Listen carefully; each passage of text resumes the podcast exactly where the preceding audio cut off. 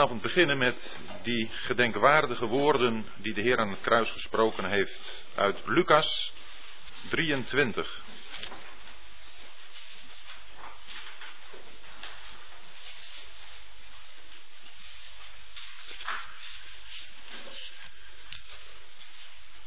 Lucas 23, vers 34.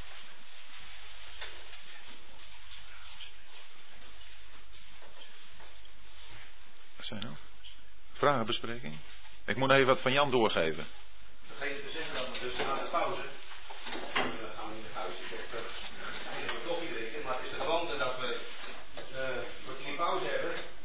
En daarna uh, nog vragen met elkaar bespreken. Je kunt die vragen schriftelijk doen.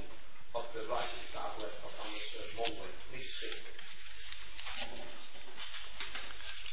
Lucas 23, vers 34.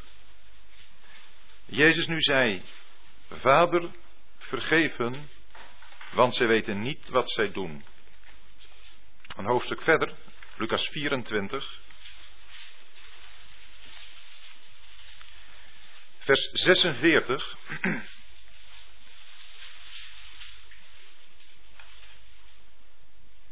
Zo staat er geschreven dat de Christus moest lijden en uit de doden opstaan op de derde dag en in zijn naam bekering tot vergeving van zonden moest worden gepredikt aan alle volken, te beginnen bij Jeruzalem. En nog een vers uit Handelingen, hoofdstuk 7.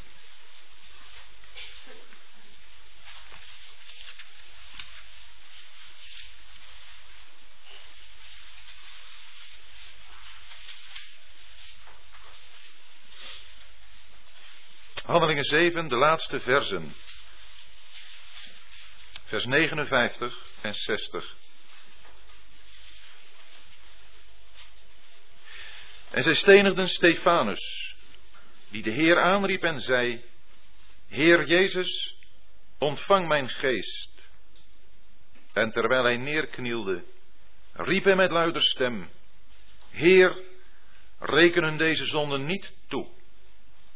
En toen hij dit had gezegd, ontsliep hij. Wij zullen nog wel wat meer teksten met elkaar vanavond lezen. Maar deze als een inleiding voor deze avond. Wij mogen met elkaar vanavond nadenken over het eerste kruiswoord van de Heer Jezus. En we zijn dan aangekomen in een moment van de geschiedenis van het leven van de Heer Jezus op aarde dat onze aller aandacht op een bijzondere manier verdient. Er is al heel wat aan vooraf gegaan, aan dit moment waar we nu in de geschiedenis van de Heer op aarde staan. De Heer Jezus is op aarde gekomen, 33 jaar geleden. En toen is Hij direct al naar het leven gestaan. De Heer Jezus heeft geen gemakkelijke jeugd gekend.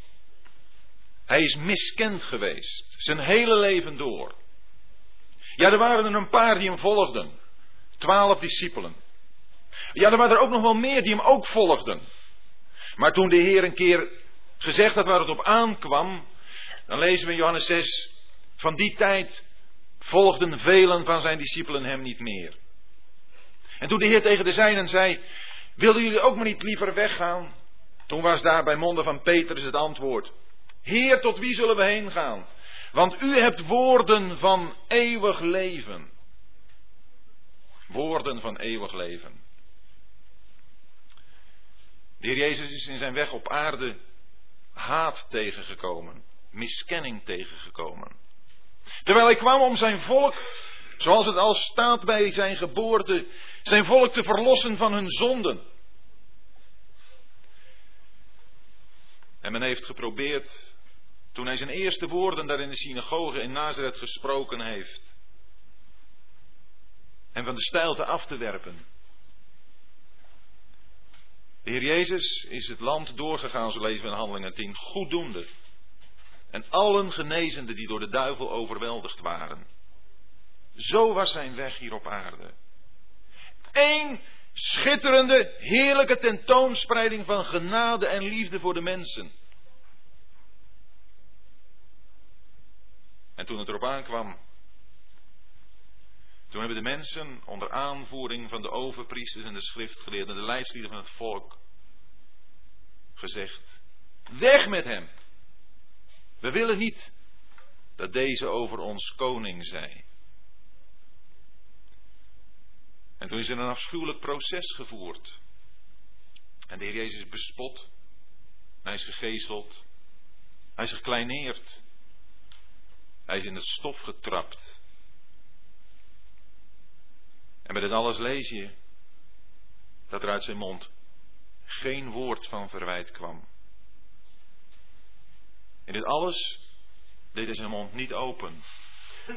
Zo werd hij als een schaap de slagbank geleid.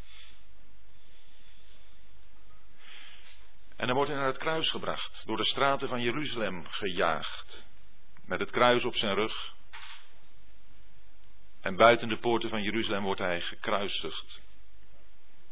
Door honden, boosdoeners, mensen zonder enig gevoel, die hem de spijkers door zijn handen jagen en die het kruis oprichten. En daar hangt hij. En dan lopen de mensen aan het kruis voorbij. Ja, je hebt het toch gezegd? En als je dat dan bent, de verlosser, kom dan van het kruis af. En dan zullen we je geloven. En al die verguizing, al die haat, vindt dit antwoord. Vader, vergeef hen, want ze weten niet wat ze doen. Vergeving, beste mensen, is iets van buitengewoon grote waarde.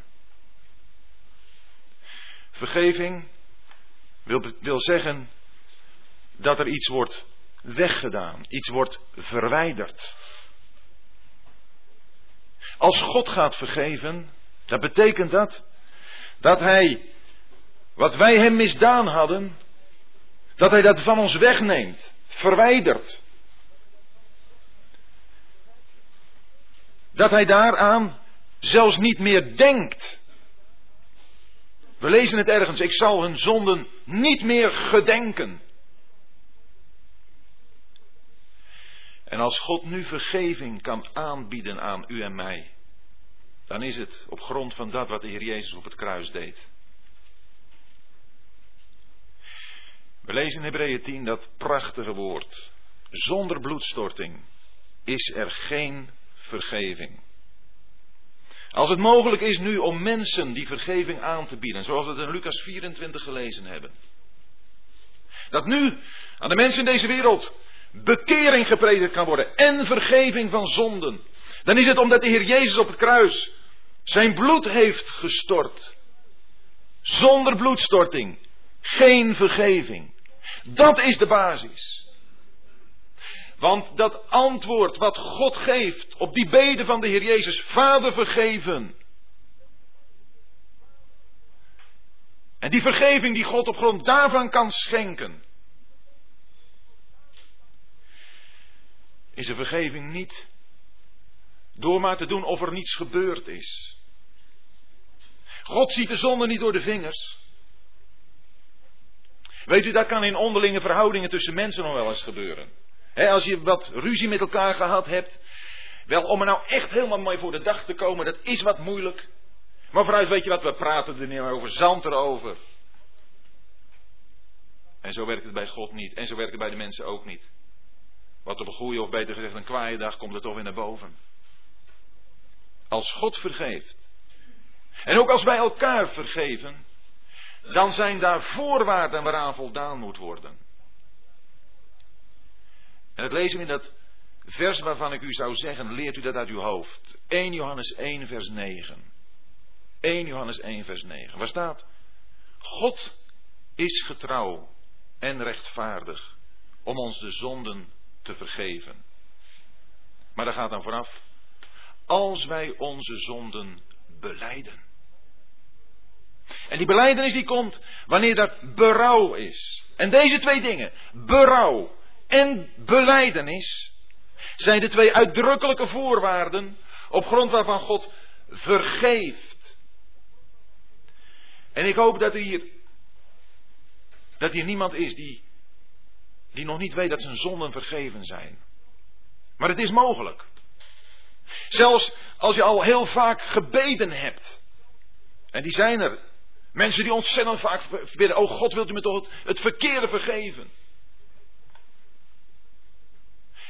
En dan toch niet die rust vinden in die vergeving die God aanbiedt. Op grond van wat de Heer Jezus hier gevraagd heeft. Dan komt dat omdat je nog niet hebt vertrouwd daarop dat God ook echt vergeeft. Omdat Hij getrouw is. Hij is namelijk getrouw omdat zijn woord er garant voor staat dat wie zijn zonden beleidt en laat, die vindt vergeving. En daar is God getrouw aan. Geloven wij God? Vertrouwen wij God op zijn woord? Weet u, in wezen is, is het je niet toe-eigenen van die vergeving. Een, een zeggen tegen God, God, eigenlijk, eigenlijk vertrouw ik u toch niet helemaal. U hebt het nu wel gezegd, maar. En weet u, dan komen er een heleboel argumenten en die zijn vooral gevoelsmatig. Ik beleef het eigenlijk niet zo. En ik doe nog zo vaak verkeerd. Maar God zegt, als je je zonde beleidt, dan ben ik getrouw om die te vergeven. Maar niet alleen getrouw, ook rechtvaardig. God is getrouw en rechtvaardig. En dat geeft zo'n bijzondere ondersteuning aan de zekerheid van de vergeving van de zonden, die een ieder kan hebben. Als hij met berouw over zijn zonden, zijn zonden heeft beleden. Want die rechtvaardigheid van God, die ligt verankerd in het werk van de Heer Jezus. God heeft het werk van de Heer Jezus gezien. En God heeft het werk van de Heer Jezus aanvaard. En God heeft het werk van de Heer Jezus gewaardeerd. Naar de volle waarde ervan. Zodat nu aan de mensen die vergeving kan worden aangeboden. Als een geschenk. Want dat is een geschenk. Dit is een machtig geschenk. Om, om je te gaan realiseren dat je van je schuld, dat je van je zonden bevrijd kunt worden. Om dat pak, die last die er is, om dat kwijt te raken. Maar dat is een machtige boodschap. Beste vriend of vriendin, als je hier bent en die vergeving nog niet kent, accepteer die dan. God biedt het aan. Hij biedt het je aan als een cadeau. Je hoeft er helemaal niet iets speciaals voor te doen. Geen bedevaart voor te maken. Of je geweldig in te spannen. Je mag komen zoals je bent. God neemt je aan zoals je bent. Op grond van wat de Heer Jezus heeft gedaan op het kruis. Dat is zo machtig groot. En als je die vergeving deelachtig bent, dan gaat er zo'n wereld voor je open. De wereld van God waarin zijn Christus het middelpunt, het centrum is. De vergeving van de zonden is het startpunt van het leven van de christen. En is het startpunt om ingewijd te worden in de plannen en gedachten van Gods hart. Wij lezen daarover in Efeze 1.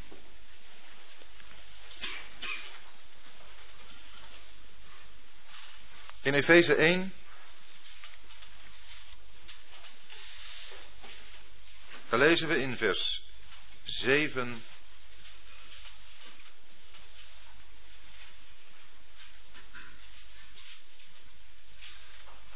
In vers 6.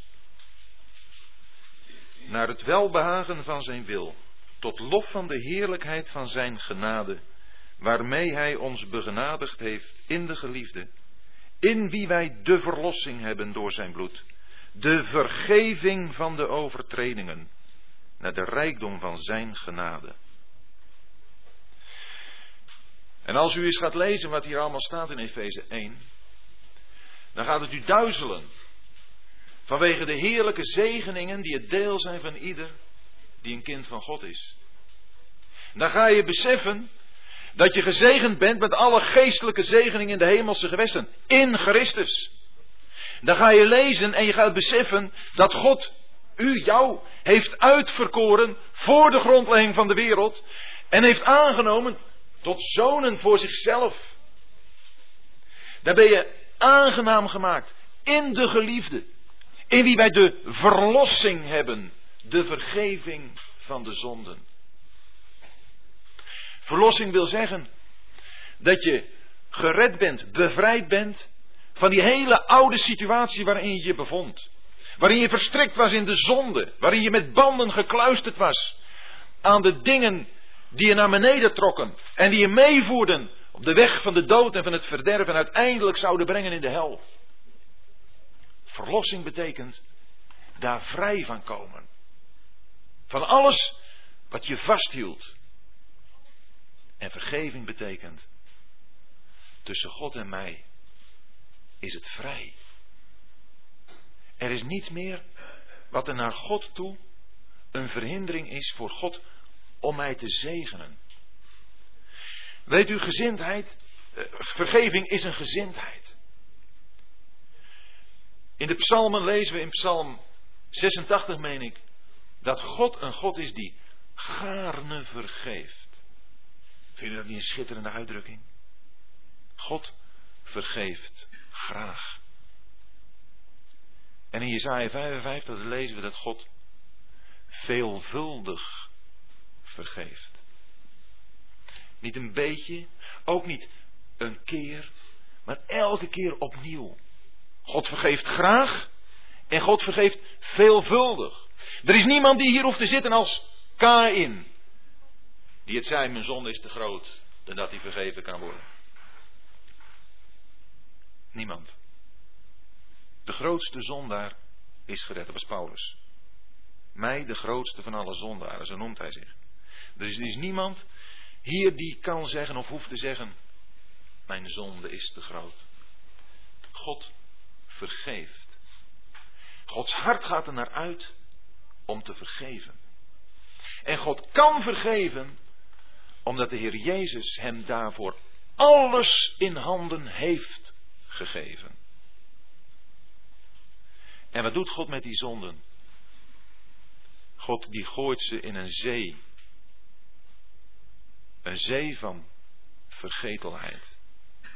Een zee van eeuwige vergetelheid. Dit is het bijzondere van God.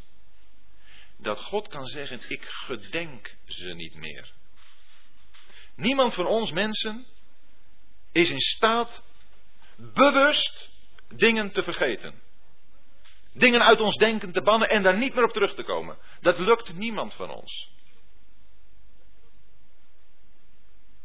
God kan dat. En wat is dat schitterend. Dat God ons niet telkens meer zegt van joh, hey, zo was jij hè. God komt daar niet meer op terug. Als wij onze zonden beleiden, God is getrouw en rechtvaardig om ze te vergeven. En ons te reinigen van alle ongerechtigheid. Te reinigen van alle ongerechtigheid. Het bloed van Christus. Wie daaronder schuilt. Het heeft alles onderweg gedaan. Allemaal. Niet één is er overgebleven. Toen de Heer Jezus zei, Vader vergeef het hen. Toen moest hij nog in de drie uren van duisternis ingaan. Maar wij weten, nu we daarachter staan, dat in die drie uren van duisternis alle zonden van een ieder die in hem zou geloven, of ook die in hem geloofd heeft, in het Oude Testament. Toen heeft de Heer Jezus daar al die zonden beleden.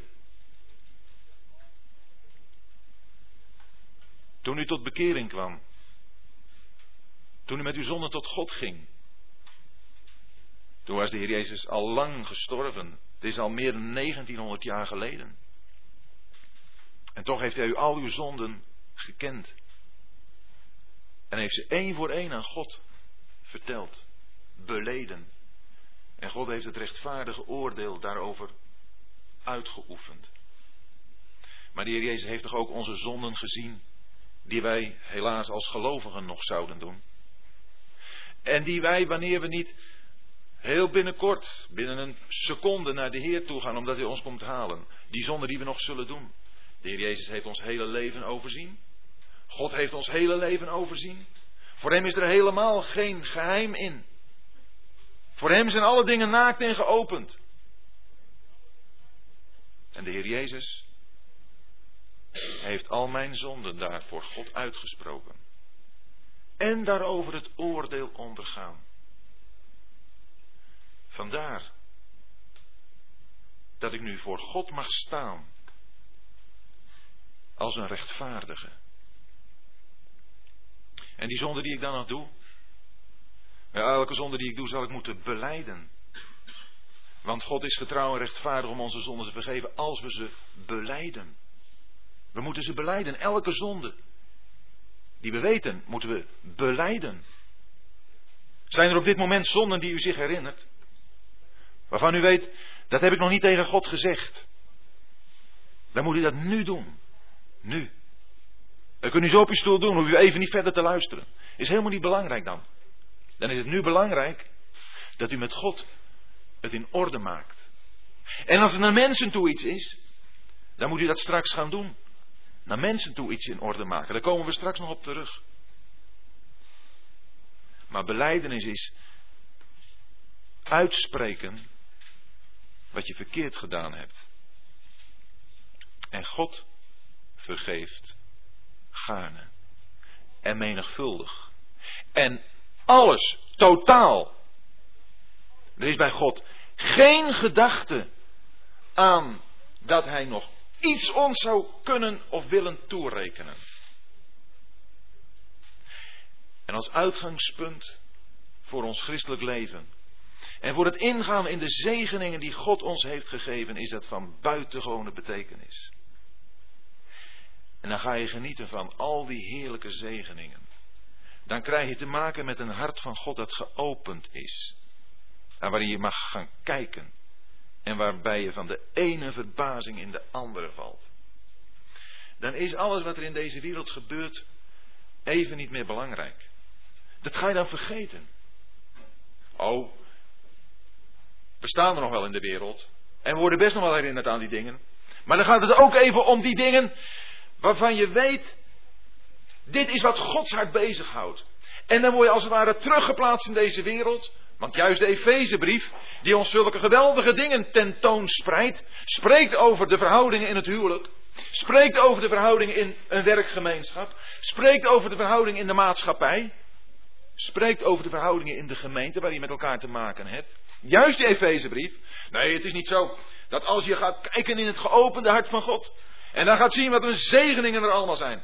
Dat je daarmee een zweverig christen wordt. Helemaal niet. Maar je gaat de dingen bekijken zoals God ze ziet. En dat alleen al is zo'n schitterende bevrijding. Dan kom je los. Dan kom je los van zoveel dingen die je naar beneden trekken. In Kolosse 1 vinden we nog zo'n vers.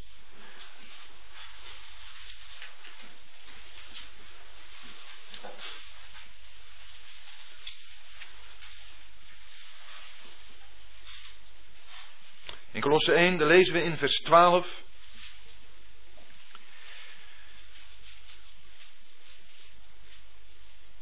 Terwijl u de Vader dankt, die u bekwaam heeft gemaakt om deel te hebben aan het erfdeel van de heiligen in het licht, die ons gered heeft uit de macht van de duisternis en overgebracht in het koninkrijk van de zonen van zijn liefde, in wie wij de verlossing hebben, de vergeving van de zonden. Ook hier, dat schitterende woord, in verbinding met dat we verlossen uit de macht van de duisternis en overgebracht zijn in het koninkrijk van de zoon van Gods liefde. We zijn nu, voor zover we de Heer Jezus kennen, in een totaal andere wereld verplaatst. Waar totaal andere normen heersen dan die we in de wereld waarin we leven tegenkomen. In de wereld waarin we leven, daar geldt het recht van de sterkste. En daar geldt het recht van degene die de beste babbel heeft. En daarom is wat we aan het begin overdachten van de Heer Jezus al zoiets buitenaards. Ach, hij kwam natuurlijk ook van de hemel. Hij was de mens die in de hemel is. En ergens zijn we, als we opnieuw geboren zijn, ook buitenaardse wezens geworden. Johannes 3 zegt dat we uit God geboren zijn. Dat is van bovenaf geboren zijn. Maar we leven nog wel in deze wereld. Maar we kunnen daar nu in kijken en we kunnen daar nu over beoordelen en we kunnen daar nu doorheen gaan en we kunnen daar nu in leven met een continu verbinding met de hemel. En maar doorgeven. Maar doorgeven van wat we van het hart van God gezien hebben. En dan komen de problemen.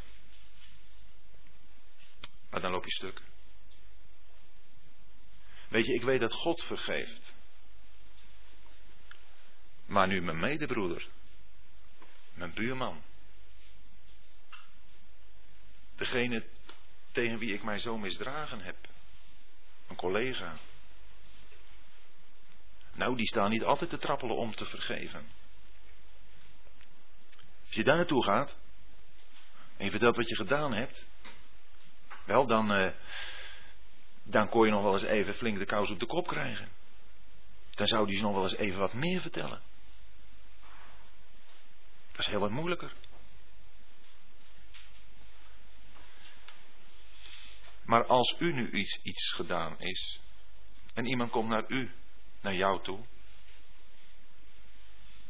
zijn wij dan ook graag bereid om te vergeven? Daarom heb ik ook het woord van Stefanus erbij gelezen. Stefanus was een machtige getuige van de Heer. En het is een indrukwekkende reden die hij gehouden heeft in Handelingen 7 voor dat Sanhedrin daar. En toen hij hen beschuldigde, en terecht, van wat ze gedaan hadden, van hun wederstaan en van hun hardnekkigheid, toen hebben ze hem naar buiten gesleept. En toen hebben ze hem gestenigd. En weet u, wij lezen dat zo even. Maar je moet zo'n tafereel je indenken. Met een woedende mensenmassa om je heen. En dan sta je als een weerloze. En ze pakken allemaal die grote stenen op. En ze gooien maar, ze gooien maar. Tot je dood neervalt. En om dan te bidden. Heer, reken hun deze zonde niet toe. Hebt u, heb jij wel eens in je leven dingen meegemaakt? Dingen die je aangedaan zijn. Waarbij je het ongelooflijk moeilijk vond om te vergeven. Misschien zijn ze zelfs nog nooit bij je geweest om te vragen om vergeving. Dan denk dat het heel belangrijk is in de eerste plaats eraan te denken dat God een God is die graag vergeeft en dat het daarom gaat dat we in elk geval die gezindheid hebben.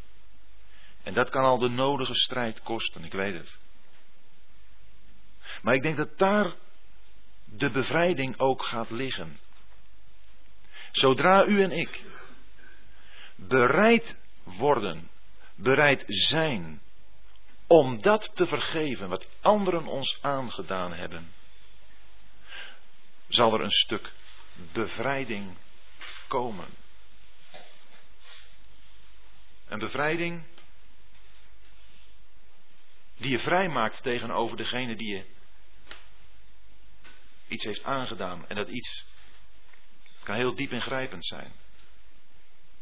Dat kan ongelooflijk ingrijpend zijn. En daar zal tijd overheen moeten gaan. Om een bepaalde zaak te verwerken. En God heeft daar geduld mee.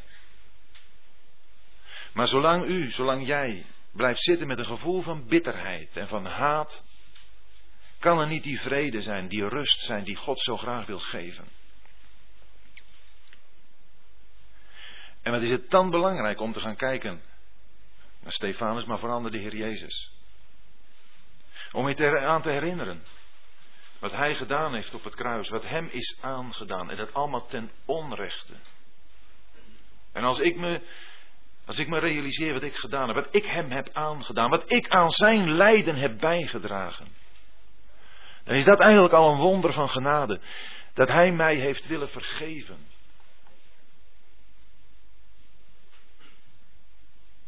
En wat een geduld heeft God met mij gehad.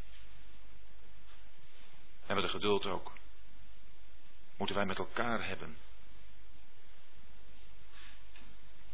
Die vergeving, die heeft de Heer Jezus in een prachtige gelijkenis tot uitdrukking gebracht. In Matthäus lezen we daarover, in Matthäus 18.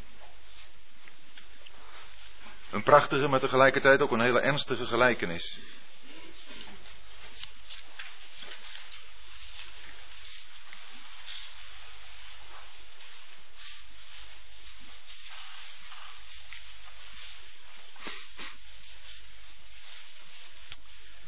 Lezen Matthäus 18, vers 21.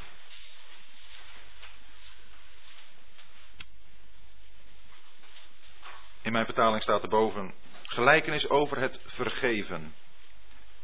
Toen kwam Petrus bij hem en zei tot hem: Heer, hoe vaak zal mijn broeder tegen mij zondigen en ik hem vergeven? Tot zevenmaal. Jezus zei tot hem: Ik zeg je, niet tot zevenmaal, maar tot zeventigmaal zeven. Daarom is het koninkrijk der hemelen gelijk geworden aan een koning die met zijn slaven afrekening wilde houden. Toen hij nu begon af te rekenen, werd er één bij hem gebracht die tienduizend talenten schuldig was. Daar hij echter niets had om te betalen, beval zijn heer hem te verkopen met zijn vrouw en zijn kinderen en alles wat hij had. En dat er betaald moest worden. De slaaf dan viel smekend voor hem neer en zei: Heer, heb geduld met mij en ik zal u alles betalen. De heer van de slaaf nu werd met ontferming bewogen, liet hem vrij en schonk, schold hem de lening kwijt. Toen die slaaf echter naar buiten ging, vond hij een van zijn medeslaven die hem honderd denaren schuldig was en hij pakte hem beet, greep hem bij de keel en zei, betaal wat je schuldig bent. Zijn medeslaaf dan viel neer en smeekte hem al dus, heb geduld met mij en ik zal je betalen. Hij wilde echter niet, maar ging weg en wierp hem in de gevangenis totdat hij zou betalen wat hij schuldig was. Toen zijn medeslaven dan zagen wat er was gebeurd, werden ze zeer bedroefd en ze gingen hun heer alles wat er gebeurd was uiteenzetten. Toen riep zijn heer hem bij zich en zei tot hem, boze slaaf, die hele schuld heb ik je kwijtgescholden, daar je mij gesmeekt hebt. Had ook jij je niet moeten erbarmen over je medeslaaf, zoals ik mij over jou erbarmd heb? En zijn werd toornig en leverde hem over aan de folteraars, totdat hij alles zou betalen wat hij hem schuldig was. Zo zal ook mijn hemelse vader u doen, als u niet ieder zijn broeder van harte vergeeft. In deze gelijkenis, die de Heer Jezus uitspreekt, vinden we eigenlijk in beeld weergegeven hoe onze verhoudingen onder elkaar kunnen zijn. En deze gelijkenis wordt uitgesproken naar aanleiding van een vraag van Petrus. En die vraag van Petrus die vindt weer zijn aanleiding in de voorgaande versen waar we lezen over een broeder die tegen een andere broeder zondigt. Want de zonde, broeders en zusters, als ik u allemaal zo mag aanspreken, dat hoop ik. De zonde is nog wel aanwezig in deze wereld en is ook aanwezig in onze harten. En die zonde die kan zomaar uitbreken. We kunnen zomaar een onvertogen woord spreken. Zomaar een ondoordachte handeling verrichten. Zomaar iets doen waar we een ander schade mee berokkenen. En dan zullen we, dan zullen we dat moeten erkennen. Maar hier in deze gelijkenis gaat het erom wat ik moet doen als mij iets is aangedaan. Daar gaat het om. Hoe vaak, is de vraag van Petrus, moet ik mijn broeder vergeven? En dan noemt hij een getal. Zeven keer. Dat is al heel wat, nietwaar? Je zult maar iemand hebben die zich een keer misgaat tegen je. Nou ja, vooruit. Hij komt en dan als het maar niet weer gebeurt. Dan zal hij de tweede keer nog een keer lappen. Nou, dan word je toch wel iets minder vriendelijk in je antwoord op zijn beleidenis. En de derde keer zeg je, nou joh, dan moet je toch echt maken dat je wegkomt, want ik geloof helemaal geen hout meer van wat jij zegt. Nou, dan is zeven keer, dat is al een fors aantal. En de Heer, die maakt daarvan. Verhoogt hij het getal? Het is natuurlijk alleen maar beeldspraak. Tot zeventig maal zeven maal wil zeggen dat je altijd bereid moet zijn om te vergeven. En daarmee mag je lijken op God. God die vergeeft. Die veelvuldig, menigvuldig vergeeft. Die graag vergeeft. En u mag er straks vragen over stellen. Ik kan natuurlijk nu niet in detail over dingen gaan spreken waarvan ik besef dat die heel diep ingrijpend zijn. En wanneer er iemand is die het daar moeilijk mee heeft, dan is dat op zich al een bewijs van, ik wil er ook vrij van komen, mee klaarkomen. Hier gaat het om iemand wiens gezindheid niet deugt. Hier gaat het om iemand die totaal niet bereid is om te vergeven. Wie er naartoe wil groeien, dat is een zaak waar God geduld mee heeft. Maar wanneer het een onwil wordt, een niet willen, dan geeft het iets aan van een niet wedergeboren zijn. Van niet het nieuwe leven hebben. Want het is ondenkbaar dat iemand die nieuw leven heeft, absoluut onwillig is om de ander te vergeven.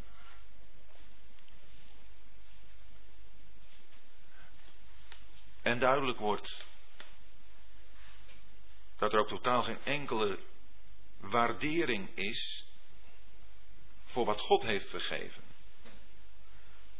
En dat het eigenlijk alleen maar een beleidenis van de lippen geweest is van deze slaaf. Die zijn medeslaaf grijpt en in de gevangenis gooit. Die eerste slaaf, die boze slaaf, die was een vermogen aan die heer schuldig. Een vermogen. En het wordt hem kwijtgescholden. En zo leeft hij. Totdat hij daar zijn medeslaaf ziet. En die is hem een paar stuivers schuldig. En hij grijpt hem. En hij zegt, betaal wat je me schuldig bent. Ik zal mijn recht hebben. En de man denkt totaal niet meer aan wat er hem vergeven is. De man had ook echt geen gedachte aan de onmogelijkheid dat hij zijn schuld zou kunnen inlossen. Die man die een vermogen schuldig was, we hebben het van hem gelezen. Heer, medelijden met mij, ik zal u alles betalen hoor, ik, ik, het komt helemaal goed. Een mens in zijn zonne tegenover God is nooit in staat om die schuld in te lossen. Dat is onmogelijk. En als hij zegt, maar dat zal ik wel doen, dan kent hij zichzelf niet. Dan weet hij niet hoe hij tegenover God in werkelijkheid staat. En wie niet weet hoe hij in werkelijkheid tegenover God staat, als iemand die volkomen niet in staat is om dat te voldoen wat God van de mens vraagt, wie dat niet weet, die weet ook niet wat het is om een ander te vergeven die hem iets misdragen, die hem iets misdaan heeft. Het gaat om een houding, het gaat om een gezindheid van vergeven. En dat wenst God. Dat wij bereid zijn om elkaar te vergeven. Met, met de gedachte aan wat God ons allemaal vergeven heeft. Ik krijg het moeilijk om een ander te vergeven. Als ik even vergeet, als helemaal buiten beeld raakt, wat God mij allemaal vergeven heeft. Als iemand tot mij komt en vraagt om vergeving. En ik ben niet echt van harte bereid om dat te doen. Dan ben ik vergeten wat God mij allemaal vergeven heeft. Dan is het belangrijkste wat ik moet doen, is weer eens teruggaan naar het kruis. En terugdenken aan het woord van de Heer Jezus. En de omstandigheden waarin Hij dat gesproken heeft. Vader, vergeef hen, want ze weten niet wat ze doen. Maar die vergeving, nog een keer gezegd, moet, moet gebeuren op grond van berouw en beleidenis. Ja, dan moet het wel echt zijn. Wij hoeven bij God ook niet aan te komen met zomaar even een goedkoop verhaal. Er zijn meer mensen in de Bijbel die gezegd hebben: Ik heb berouw. Judas heeft gezegd: Ik heb berouw. Maar het was niet een echt berouw. Het was een berouw, een spijt over de gevolgen van zijn daden. En zo kunnen mensen komen. En ze kunnen het ook tegen God zeggen: Ja, ik heb er ontzettend veel spijt van God. Maar God ziet in het hart en dat het niet echt is. Maar dat het eigenlijk alleen maar een, een uitvlucht is. Even af zijn van de problemen. Niet echt. Niet een waarachtig werk van de geest van God. Niet in de overtuiging van wat Gods woord zegt. Die vergeving. Daarvan uit leven. Dat maakt dat we met elkaar kunnen omgaan. Ook als er dingen gebeuren naar mij toe die ik niet leuk vind. Maar nu kan het toch gebeuren dat er iemand is, en ik heb al gezegd, Petrus die stelt zijn vraag naar aanleiding van een broeder die tegen een andere broeder zondigt. Nu kan het toch gebeuren dat een broeder gezondigd heeft tegen mij. En daar wil je naartoe gaan, want je wil hem de gelegenheid geven om dat te erkennen, dat in te zien, dat te beleiden.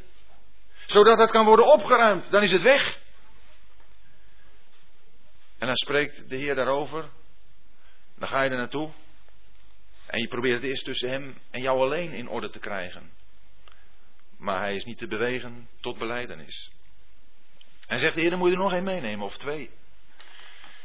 En dan moet je proberen met elkaar hem tot de overtuiging te brengen dat wat hij gedaan heeft, dat het verkeerd is. Als hij luistert, zegt de Heer in beide gevallen, dan heb je zo'n broeder, zo'n broeder heb je gewonnen. Maar daar gaat het om. Het gaat om winnen. Om winst. En elke zonde die beleden wordt, is winst. Het is machtig mooi, weet u dat? Als je iemand hoort zeggen dat hij inziet dat wat hij gedaan heeft, dat dat verkeerd is. Daar kun je mee te maken hebben met mensen die, die tot de overtuiging gebracht moeten worden. Wat ik heb gedaan, dat is niet niet, niet naar de Bijbel. Dat is niet in overeenstemming met Gods woord. Dat heeft hij eerst proberen te verdedigen, jazeker, met goede argumenten. Voor hem. En als je aan de hand van de Bijbel duidelijk maakt, jongen, je speelt jezelf wat voor. En je ziet dat hij serieus is en erover nadenkt. En hij zegt, ja, ik heb het gezien. Het is verkeerd geweest. Weet u, maar dat is een bevrijding. Dan gaat zo iemand ook weer door in zijn leven met de Heer. Dan kan er weer groei komen. Want zonde die wordt gehandhaafd, die wordt vastgehouden, die niet wordt beleden, is een belemmering voor geestelijke groei hoor. Is een belemmering voor geestelijke groei. Eerst moet dat opgeruimd worden. En dan komt er weer vrijheid voor de geest om door het woord ons dingen duidelijk te maken. Kun je verder groeien. Je hebt je broeder, je hebt je zuster gewonnen. Als je hem tot beleidenis brengt. Maar ook met z'n twee of z'n drieën kun je hem niet overtuigen. En dan moet je het aan de gemeente vertellen, zegt de Heer. Zeg het, de gemeente. En dan moet de gemeente zich daarover uitspreken. En de gemeente, namens de gemeente, moet er met zo iemand gepraat worden. En als dan zo iemand nog niet tot inkeer komt, dan moet de gemeente, de plaatselijke gemeente, moet zo iemand uit het midden wegdoen. Dan moet daar tucht worden uitgeoefend. Want zonde kan in de gemeente van God niet bestaan. Dan geef je zo iemand eigenlijk aan God over. Dat is een situatie die je in 1 Korinthe 5 vindt. In 1 Korinthe 5 is sprake van een hoereerder. Iemand die het zo bond maakt dat zelfs in de wereld er schande van werd gesproken. Iemand die de vrouw van zijn vader had. En Paulus zegt de Corinthiërs, en jullie, jullie hebben er niet eens om getreurd. Je hebt er niet eens leed omgedragen. Jullie zijn maar mooi doorgaan met samenkomen en met je beroemen op al je geweldige gaven die je hebt. En dat wordt bij jullie gevonden. En dan besluit hij, Je moet de boze uit jullie midden wegdoen. Wegdoen moet hij. De boze moet weg uit het midden van de gemeente. En weet u wat nou zo schitterend is? Dat deze boze in 2 Korinthe 2 iemand is die weer hersteld is. En wat zegt Paulus daar tegen de gemeente in zijn tweede brief dus? Als jullie iemand iets vergeven hebben, dan vergeef ik die ook. Dat betekent dat er een vergeving plaatsvindt door de gemeente bij iemand die uit de gemeente moest worden weggedaan, maar die tot één keer is gekomen. En dan mag de gemeente net zo goed als ze heeft moeten zeggen, maar je bent een boze, je wilt niet luisteren, je moet worden uit, het, uit het midden worden weggedaan. Als er iemand komt met berouw, met oprecht berouw, dan mag de gemeente zeggen, we mogen je weer accepteren, je hebt berouw en wij vergeven je. Dat is een onvoorstelbaar belangrijk iets. En een grote verantwoordelijkheid voor elke plaatselijke gemeente. Om aan de ene kant het kwaad weg te doen, de boze uit het midden weg te doen. En aan de andere kant, ieder die met berouw komt, te accepteren. Het is net of bij de Corinthiërs het zo was. Ze waren eigenlijk een beetje onwillig, of in elk geval heel traag om het boze weg te doen. In Korinthe 5 moest worden weggedaan. Dus dat is ook een heel belangrijk aspect van die vergeving. En dat is de, het herstellende aspect. Dat is het uitspreken naar de ander toe. Dat de zonden vergeven zijn. En ik denk dat het ook in de persoonlijke sfeer heel belangrijk is. Ook, om dat even tussendoor te doen, ook als onze kinderen iets verkeerd gedaan hebben. En ze komen en ze zeggen, papa, mama, ik heb dit of dat verkeerd gedaan. Dat vader en moeder dan ook niet zeggen, oh, fijn jongen. Maar zeggen, jongen, meisje, ik vergeef je. En we praten daar niet meer over. Zo kunnen we ook onze kinderen al beginselen van het woord van God bijbrengen, duidelijk maken. En dan moeten wij hen het laten zien. En dan zijn wij nog wel eens, ik ook wat ik al eerder zei. Hé, hey, toen hè. Dan heb je het ook gedaan hè. En dan komen we er toch weer even op terug. Maar om te leren dat je elke nieuwe daad, elke nieuwe misdaad, elke nieuwe zonde, opnieuw tegemoet moet gaan, dat is voor ons iets wat we heel erg hard moeten leren. Er is nog een aspect met, wat met vergeving te maken heeft. En dat wil ik u graag voorlezen uit Marcus.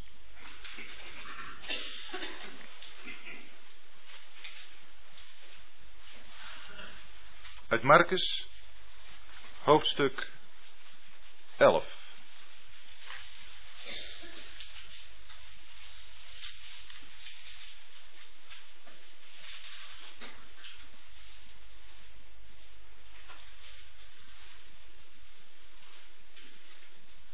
Marcus 11, lezen we in vers 20.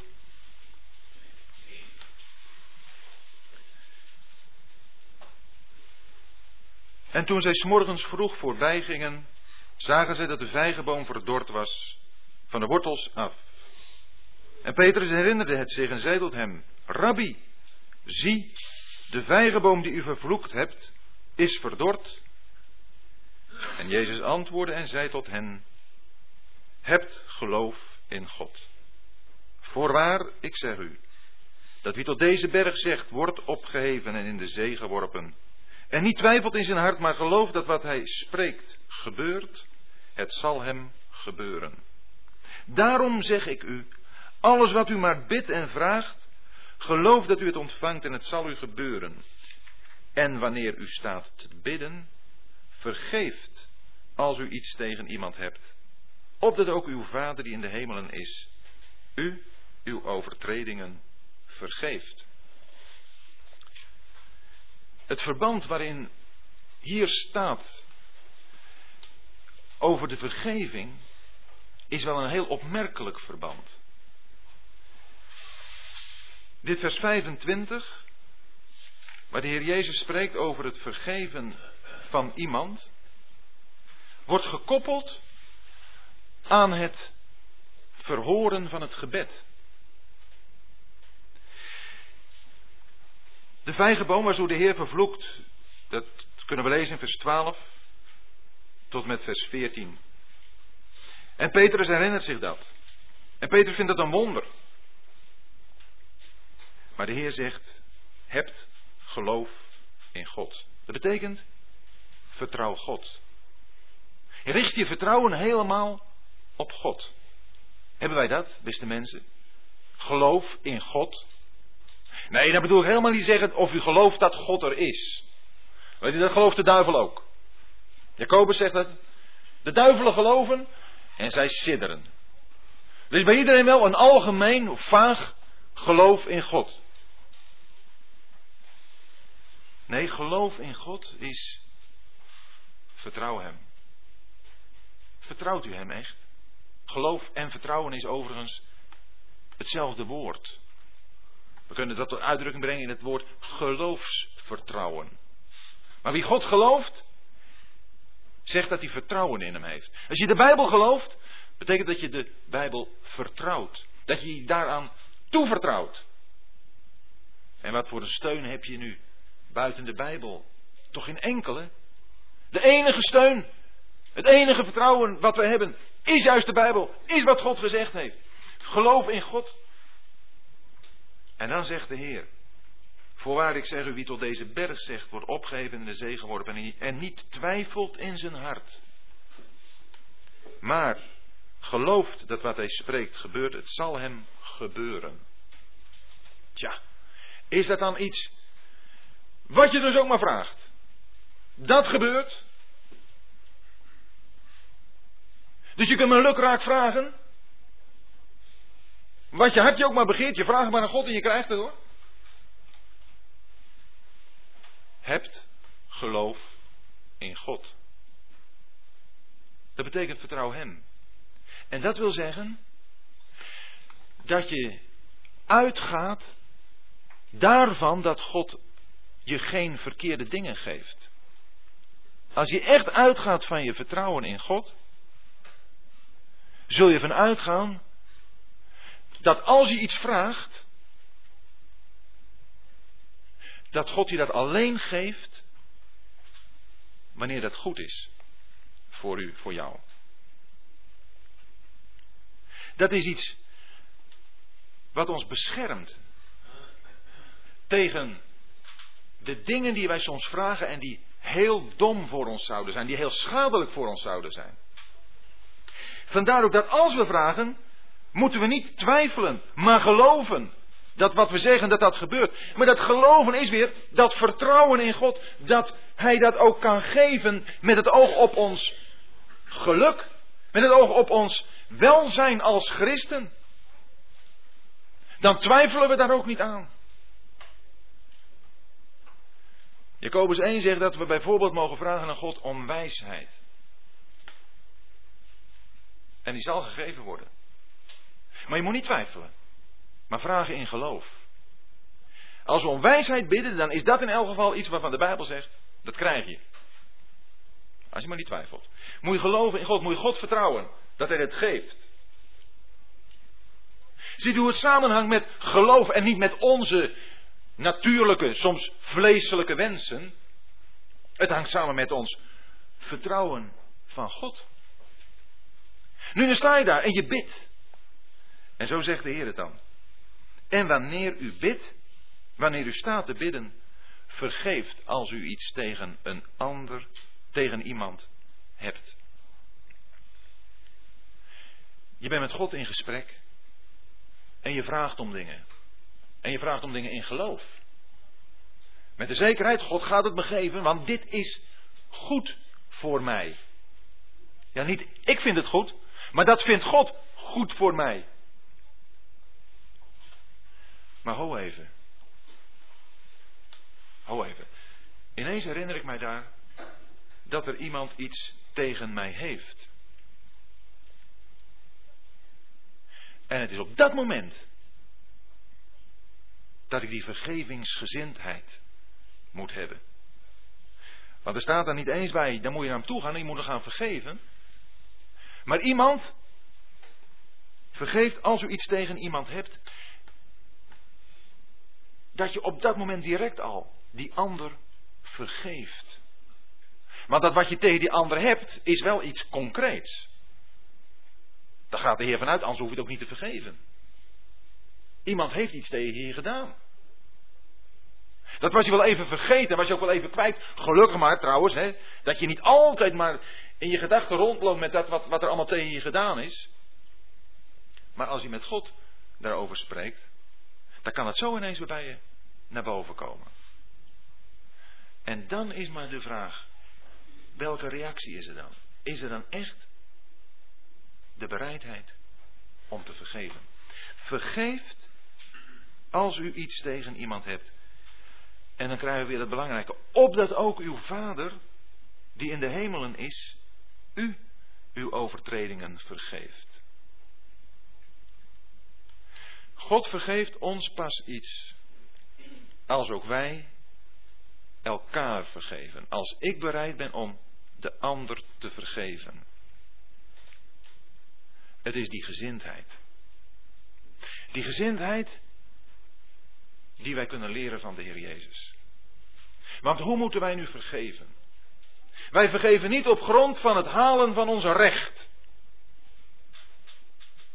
Wij vergeven op grond van het werk wat de Heer Jezus op het kruis gedaan heeft en op grond van beleidenis.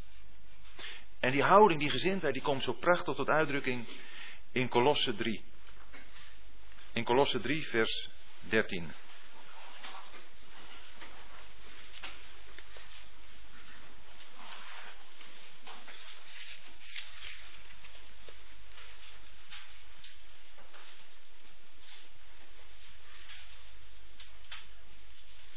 Lezen vanaf vers 12.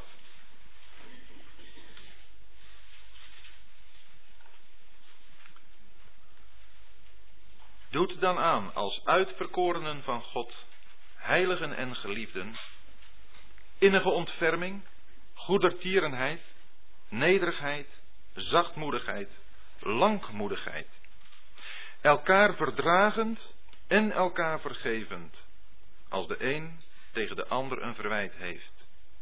En dan krijgen we het. Zoals ook Christus u vergeven heeft, zo ook u. Dat is een hoge norm. Maar eigenlijk kan er niet een hogere zijn. Ook niet een andere norm dan deze norm. Zoals ook Christus ons vergeven heeft, zo mogen wij elkaar vergeven. En hoe heeft Christus ons vergeven? Toen hij daar hing aan het kruis, was het mikpunt van alle bespotting en van alle schande. Ach, er was één zucht genoeg om het hele toneel weg te vagen. Dat was in Gethsemane al genoeg, toen ze hem gevangen kwamen nemen. Wist je niet dat ik zo'n legioen engelen kon vragen en mijn vader zou ze sturen? Maar hij heeft aan de vader niet gevraagd om een legioen engelen. Hij heeft aan de vader gevraagd, vader vergeef hen. Vergeef hen. En Christus heeft ons vergeven. En zo mogen wij elkaar vergeven. En weet u, dat is iets wat, dat is bovenmenselijk. Dat is bovenmenselijk. Het is een grote puinhoop in deze wereld. De mensen slaan elkaar de hersens in. En ze vermoorden elkaar. Kan zo bij in de straat gebeuren. Kan in volkerenmoord gebeuren. Maar de haat viert hoogtij. En er zijn mensen die hebben geleefd om zich te kunnen wreken. Ze hebben de grootst mogelijke ontberingen doorstaan. Met het oog op dat ene moment dat ze zich aan hun vijand zouden kunnen wreken. Maar er zijn ook mensen geweest die hebben de grootste mogelijke ontberingen getrotseerd. Om te kunnen vergeven. kent het verhaal misschien van Corrie ten Boom. Die ook tegenover een van haar beulen kwam te staan. Lange tijd nadat, ze uit, nadat de oorlog voorbij was. En als je leest hoe ze, hoe ze haar innerlijke strijd weergeeft. om haar hand uit te steken naar de man die haar om vergeving vroeg. Die haar zo vernederd had. En hoe ze dan tenslotte toch haar hand uitstrak, uitstak, omdat, omdat de liefde van God, omdat de liefde van Christus haar hart vulde. Dan zie je daar een machtige overwinning. En die overwinning is door ieder van ons, voor ieder van ons weggelegd en te halen. Wanneer we elkaar zien met de ogen van Christus, zoals Hij naar ons heeft gekeken, toen wij Hem dat verschrikkelijke aandeden. Het is niet alleen Christus, het is ook God zelf in Efeze 4. In Efeze 4, daar lezen we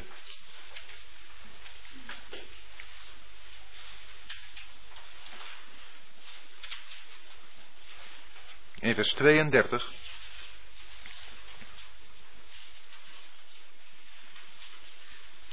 Voor het uh, verband, vers 31.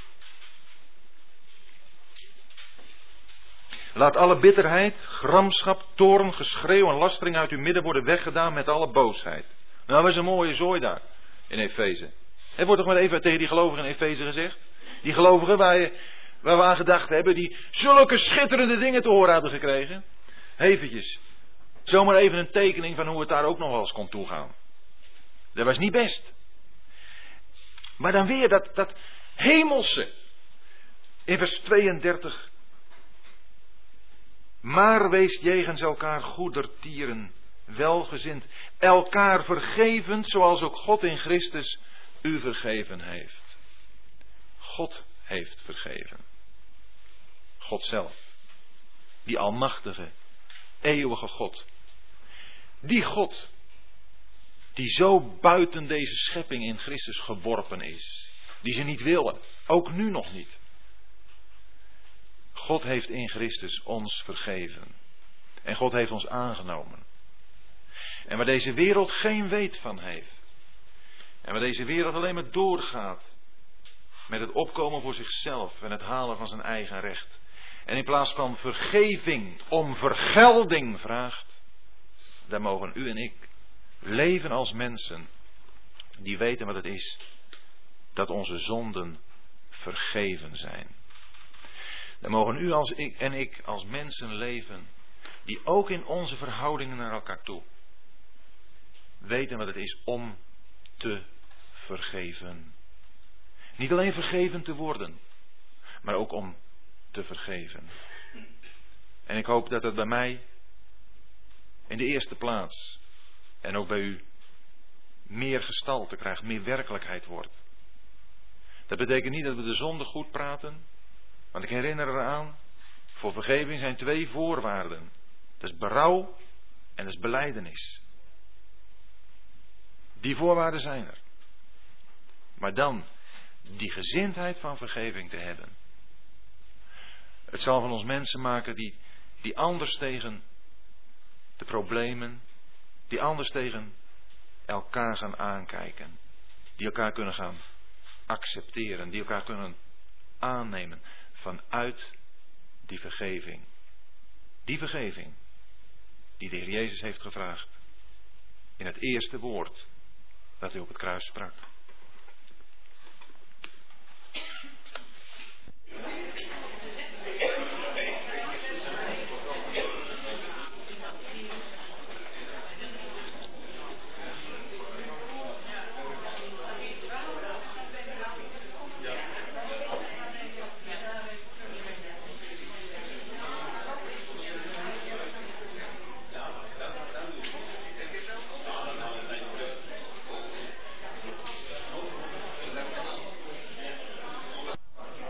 Heb een, uh, een paar vragen gekregen. En die wil ik proberen te beantwoorden. De eerste vraag, die luidt, zou u iets kunnen zeggen met betrekking tot de verhouding voorbeschikking, vrije wil? U sprak erover dat God ons reeds tevoren heeft uitgekozen. Of zijn het ook zij die niet tot geloof zullen komen. Toch moeten we kiezen. Zie bijvoorbeeld 1 Johannes 1, vers 9 of 1 Thessalonicense 4, vers 8.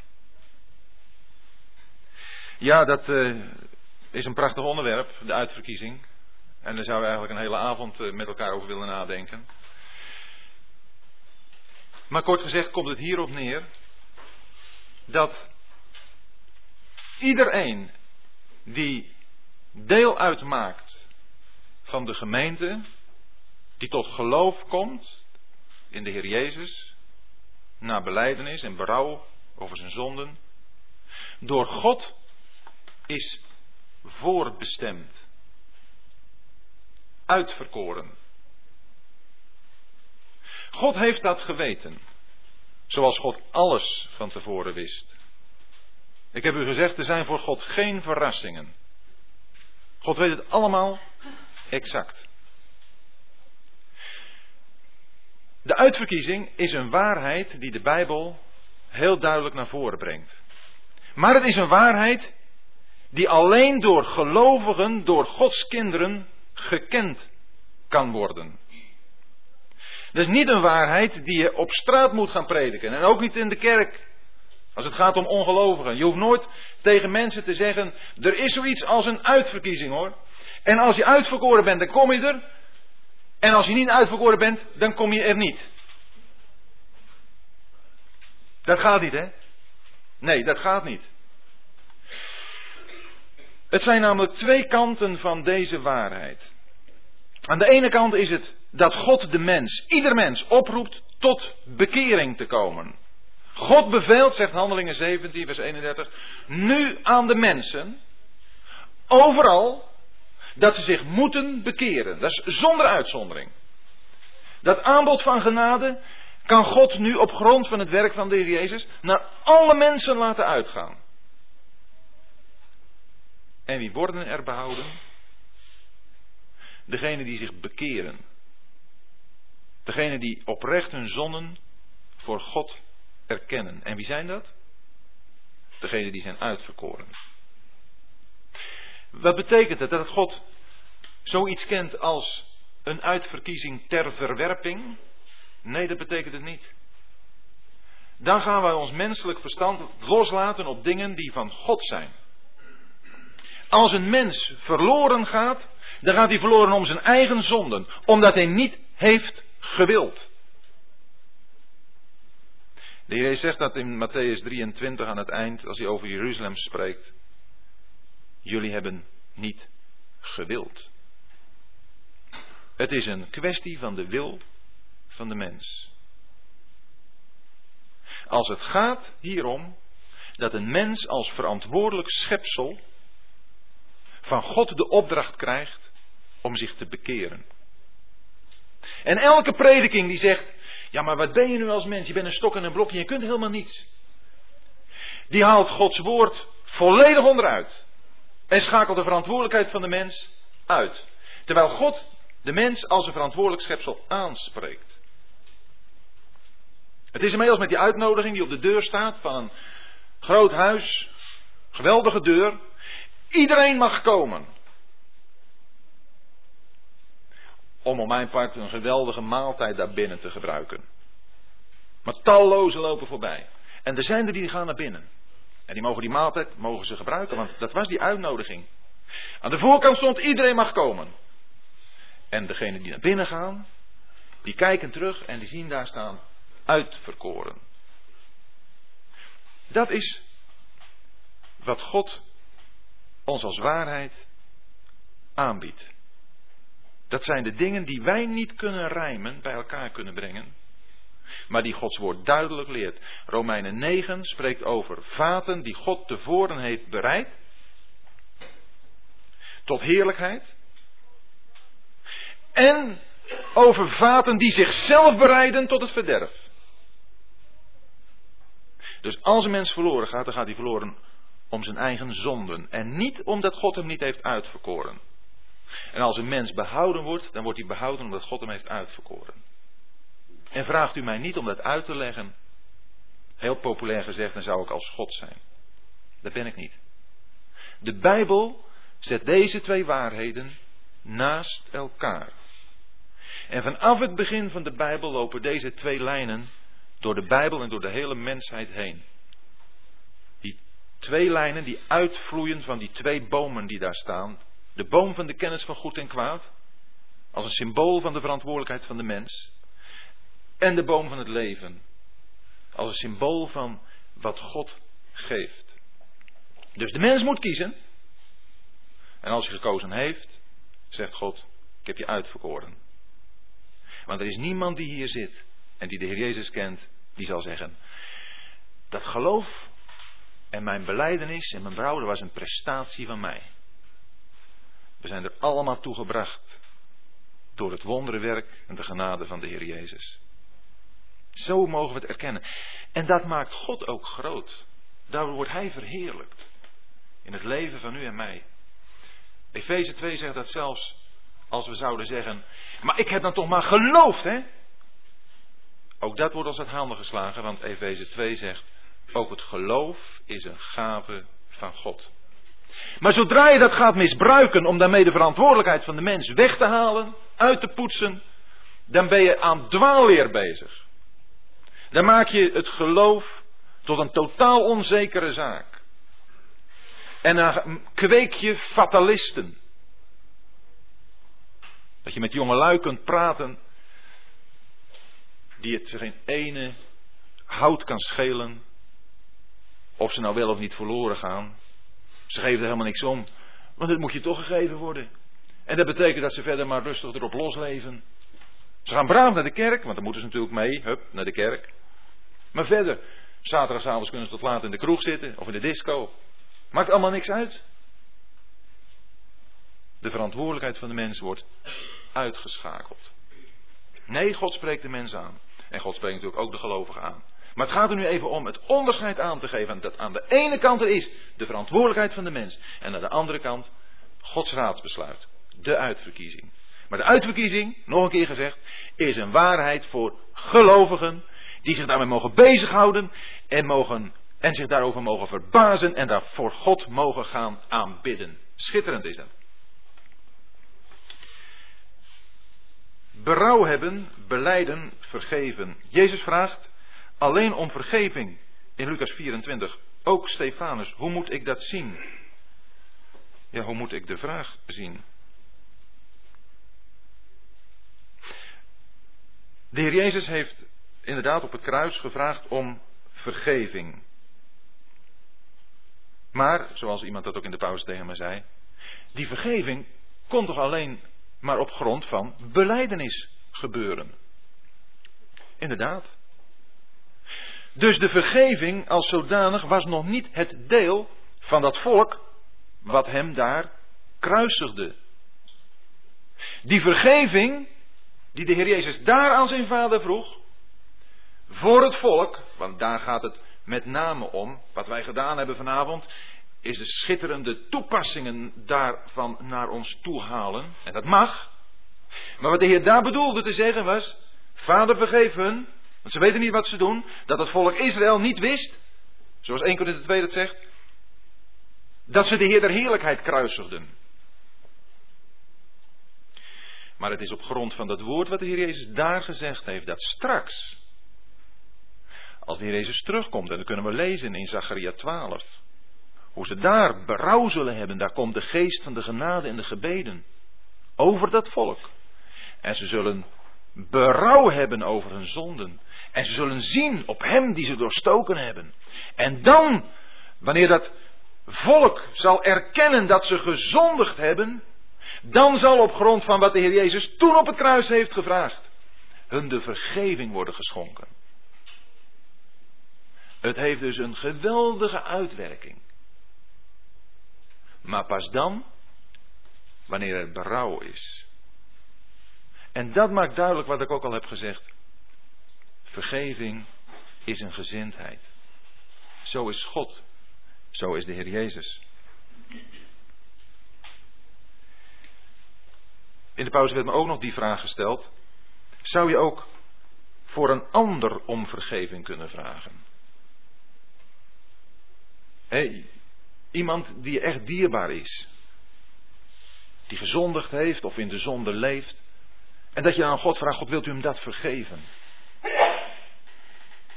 Dat kan niet. Dan komen we in het Rooms-Katholicisme terecht, waarbij gebiecht wordt en de priester, die zal dan wel die zonde vergeven. Vergeving is iets wat God alleen kan doen op grond van wat iemand persoonlijk als zonde naar God toebrengt. Dat is een uitsluitend persoonlijke zaak. Er is niemand die voor een ander tussen beiden kan treden. Er is maar één middelaar tussen God en mensen. Dat is de mens Christus Jezus. Die zichzelf gegeven heeft tot een losprijs voor allen. Alleen wanneer daar een persoonlijke beleidenis is. En ook het berouw erover. Want ik denk dat dat nog heel erg belangrijk is te benadrukken.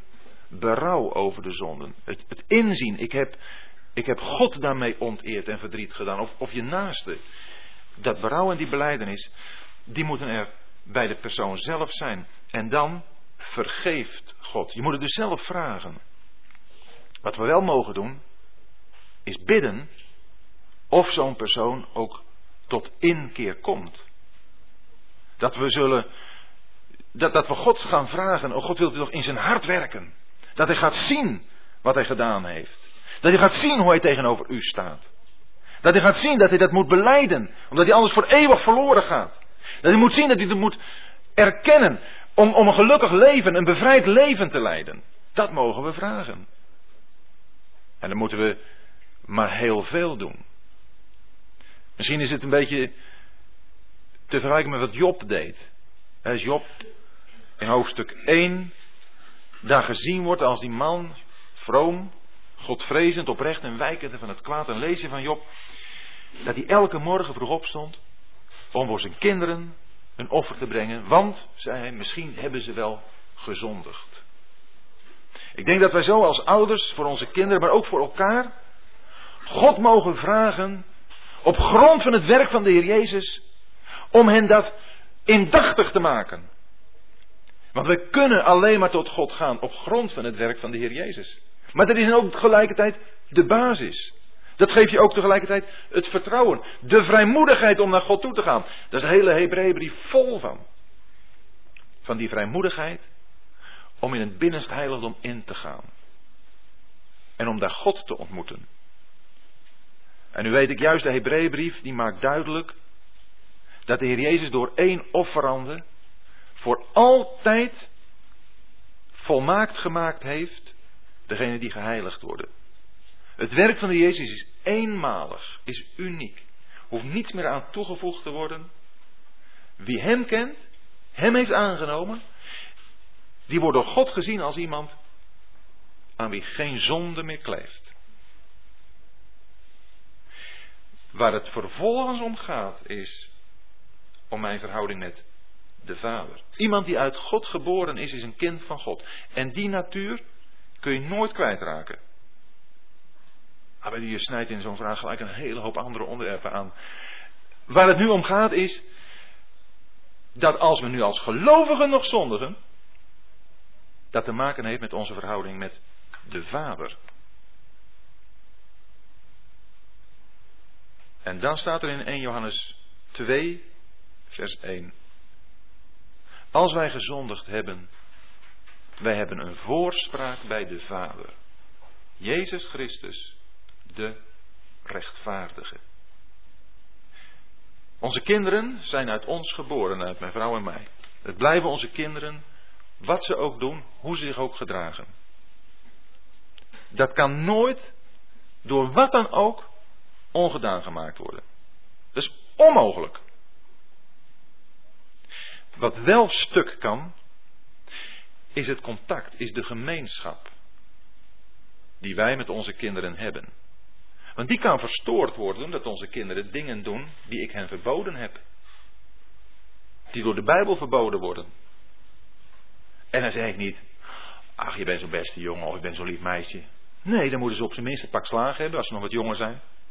Of misschien moeten er andere maatregelen genomen worden als ze niet tot inkeer te brengen zijn. Dan is het dus niet meer een verhouding van kind tot ouder, want dat blijft. Maar dan wordt het een kwestie van kind tot vader, van gemeenschap. Zo is het ook in onze verhouding met God. We blijven, als we eenmaal een kind van God zijn, kind van God. Kan niets aan veranderen. Maar als we zondigen, dan wordt ons contact met de Vader verstoord. En dan moeten we dat beleiden. En dat is zo schitterend. Daar is de Heer Jezus voor in de hemel. En daarvoor kan Hij bezig zijn met ons om ons tot inkeer te brengen, om ons tot beleidenis te brengen, om ons het verkeerde dat we gedaan hebben te laten inzien. Zo was de Heer Jezus bezig met Petrus. Toen Petrus de Heer verlogende,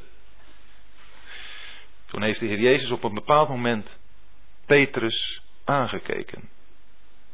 En er staat dus betreffend, en Petrus herinnerde zich het woord dat Jezus gesproken had. En ging naar buiten en weende bitter. Dat was wat de Heer Jezus deed. En de Heer had daarvan gezegd, Petrus, de Satan heeft zeer begeerd om jullie te zichten als tarwe, maar ik heb voor jullie gebeden dat je geloof niet zal ophouden. En op grond van dat gebed is Petrus op het bepaalde moment tot inkeer gekomen. En toen werd daarna nog een keer zijn herstel bevestigd, ook tegenover de discipelen, toen ze daar bij het meer waren, bij dat vuurtje. En zo gaat hij hier door. Ook nu, als voorsprong bij de Vader, om u en mij in ons leven te begeleiden, om u en mij in ons leven de dingen te laten opruimen die een verhindering zijn om dat contact met de Vader, die gemeenschap met de Vader, te beleven. Dit waren de vragen, zowel schriftelijk als mondeling. Misschien dat er nog een brandende mondelinge vraag is. Ja, wat betreft die uh, vergeving. Uh, als er iemand van mij een tientje prikt, nou, dan heb ik niet veel moeite om Maar pak nou een te troep. Wanneer of die vergeving vraagt, geloof ik niet dat dat zo makkelijk gegeven wordt.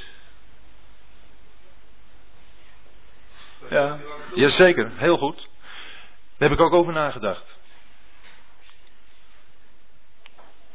Je hoort uh, weinig bidden voor een Dutroux. Het is wel een man die een ziel te verliezen heeft.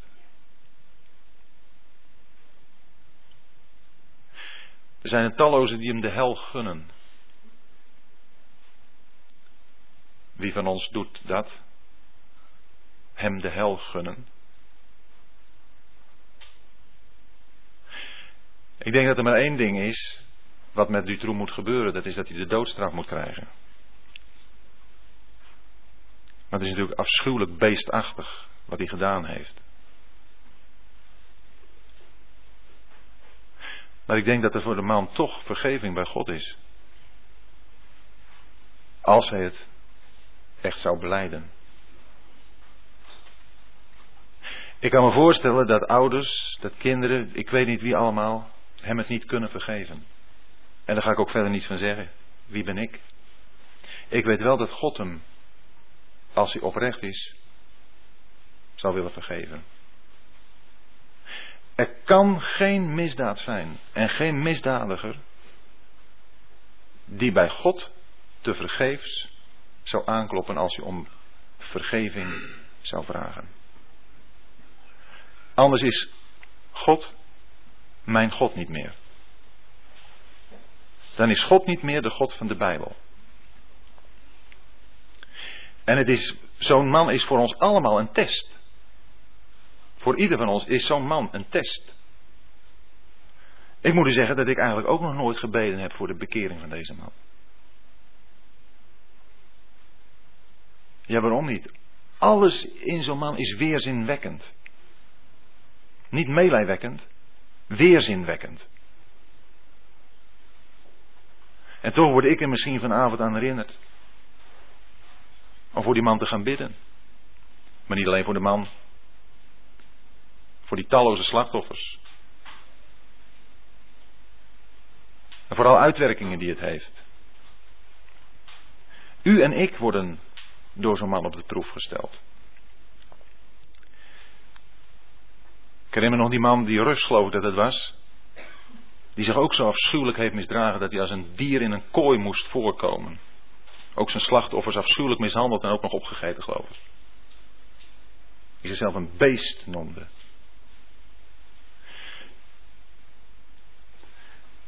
Weet u zo. Dit is soms wel moeilijk, maar daar moet je eerlijk over zijn.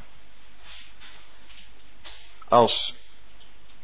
Als u en ik. Niet op een bepaalde manier kunnen zeggen: Als God mij niet bewaart. Dan maak ik het nog een graadje erger dan deze man gedaan heeft. Dan denk ik dat we enigszins besef hebben. van wie wij van nature zijn. Want wat een mens doet, is waartoe ik in staat ben. Want ik ben een mens. En dat God mij voor bepaalde uitwassen heeft bewaard, is inderdaad door zijn bewaring. Want als ik daar was opgegroeid, als ik misschien die achtergrond had, dan had ik die dingen ook kunnen doen. En ik praat daarmee niets, maar dan ook helemaal niets goed van wat de man gedaan heeft. Want ik geloof dat hij de doodstraf verdient. Naar Gods woord, de doodstraf. Maar dan hoop ik dat hij daarvoor toch nog tot bekering komt. Er was een moordenaar aan het kruis. Die ook op vijf voor twaalf tot geloof in de Heer Jezus kwam. Wat zeg ik, vijf voor twaalf? Misschien wel één minuut voor twaalf. En hij heeft zijn geloof in de Heer beleden. En de Heer heeft gezegd: Voorwaar ik zeg u, heden zult u met mij in het paradijs zijn. Natuurlijk, dat wordt je tegen, als je daarover praat, wordt dat tegen je gebruikt.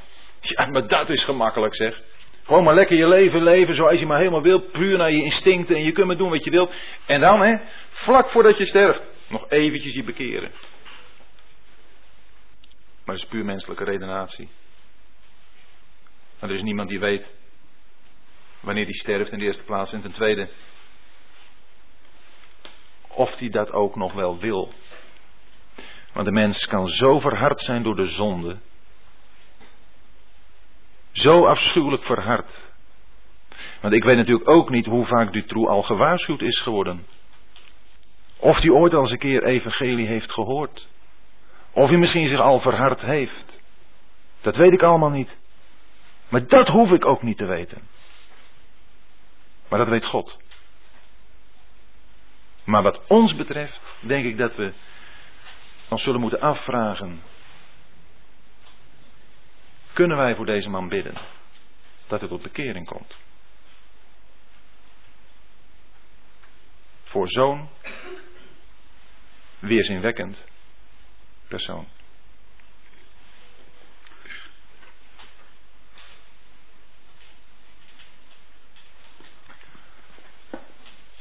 Zijn er nog uh, vragen anders dan? Het is tien uur.